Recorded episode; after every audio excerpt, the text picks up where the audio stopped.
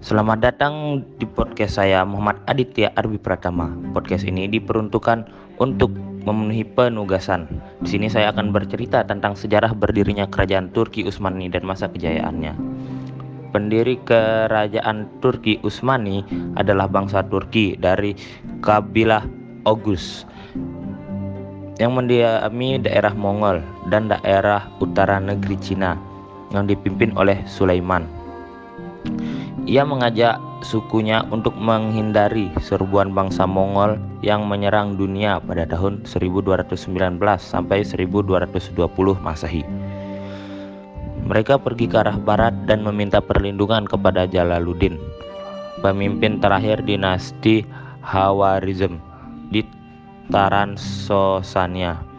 Jalaluddin menyuruh mereka agar pergi ke arah barat.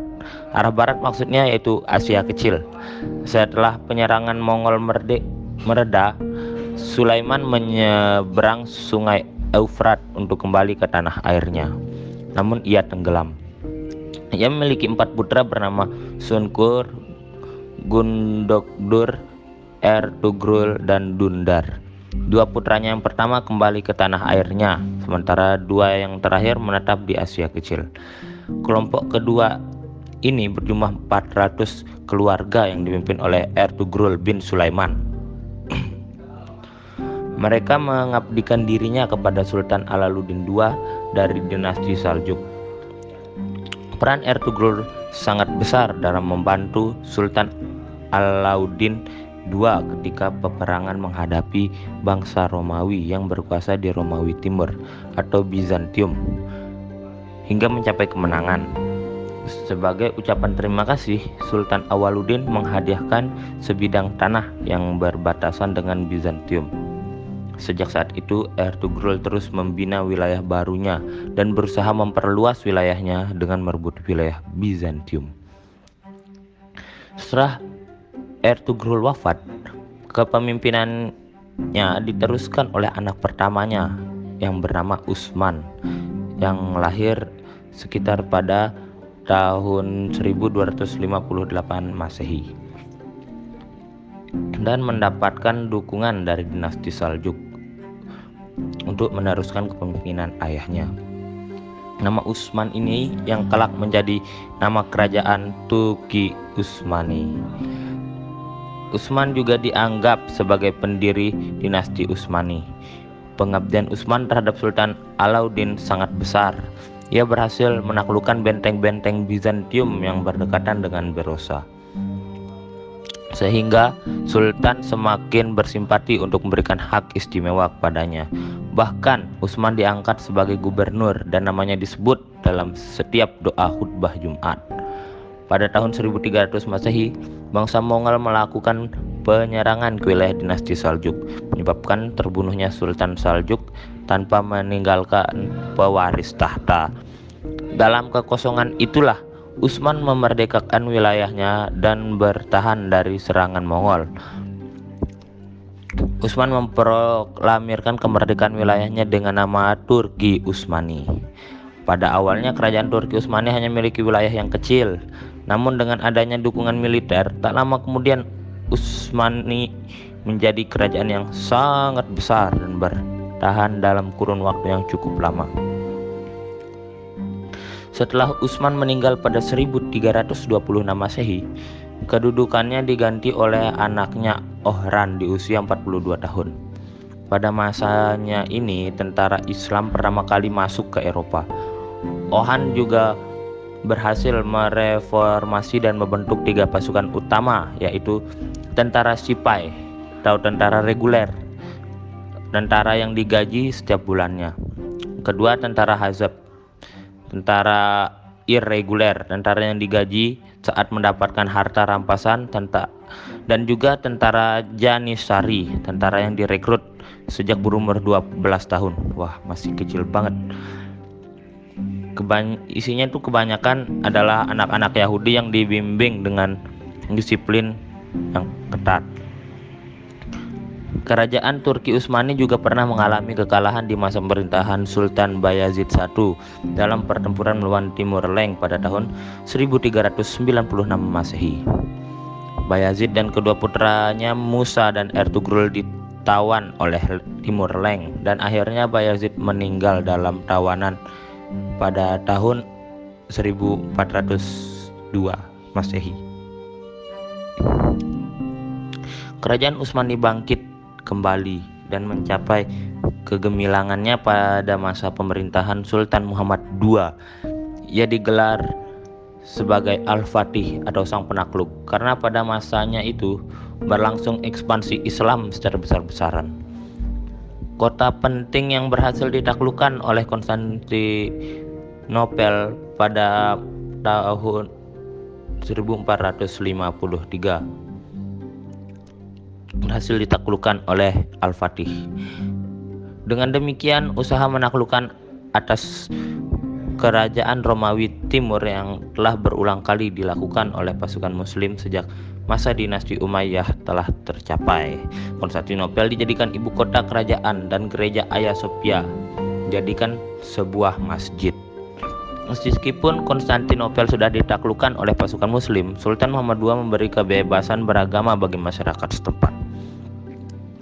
Puncak kejayaan kerajaan Turki Utsmani telah tercapai pada masa pemerintahan Sulaiman I dan digelari sebagai Al-Kanuni karena ia berhasil membuat undang-undang yang mengatur masyarakat.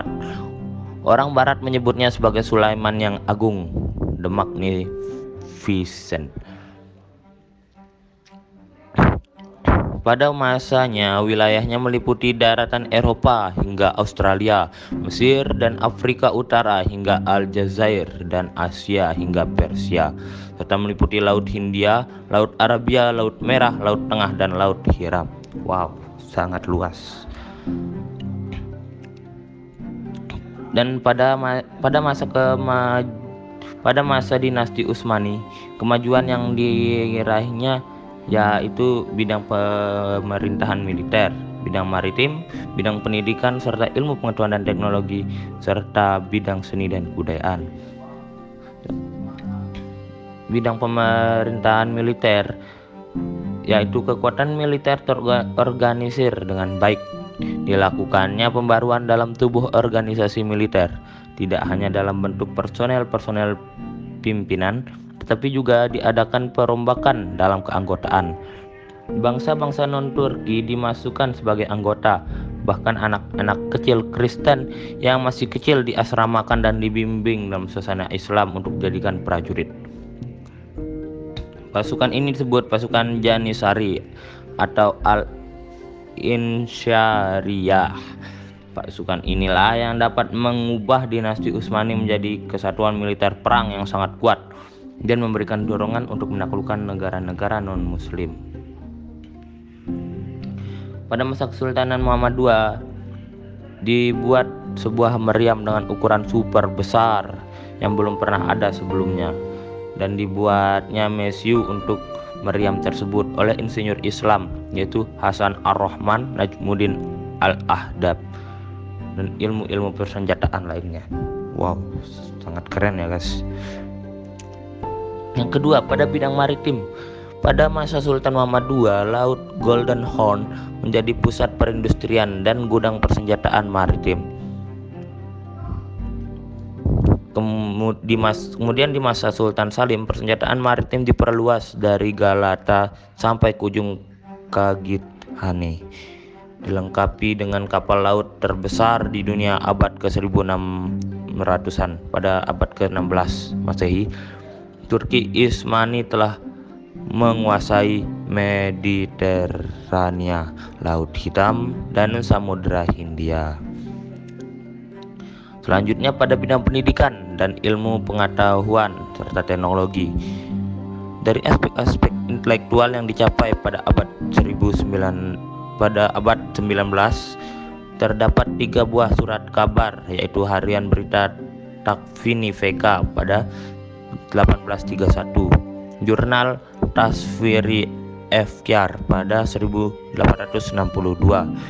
dan juga jurnal Termu Terjumani Ahwal 1860. Kemudian terjadi transformasi pendidikan dengan membangun sekolah-sekolah dasar dan menengah pada 1861 dan perguruan tinggi didirikan pada 1869 dan juga mendirikan fakultas kedokteran dan hukum di masa Mahmud II. Kurikulum ditambah dengan kurikulum umum. Sedangkan pada bidang seni dan kebudayaan muncul tokoh-tokoh penting pada abad 17. Muncul penyair terkenal yaitu Nafi. Nafi juga bekerja pada Murad Pasha dengan menghasilkan sastra-sastra kaside yang mendapat tempat di hati para sultan. Dalam seni arsitektur, bangunan Utsmaniyah memiliki mazhab tersendiri yang disebut gaya Utsmani.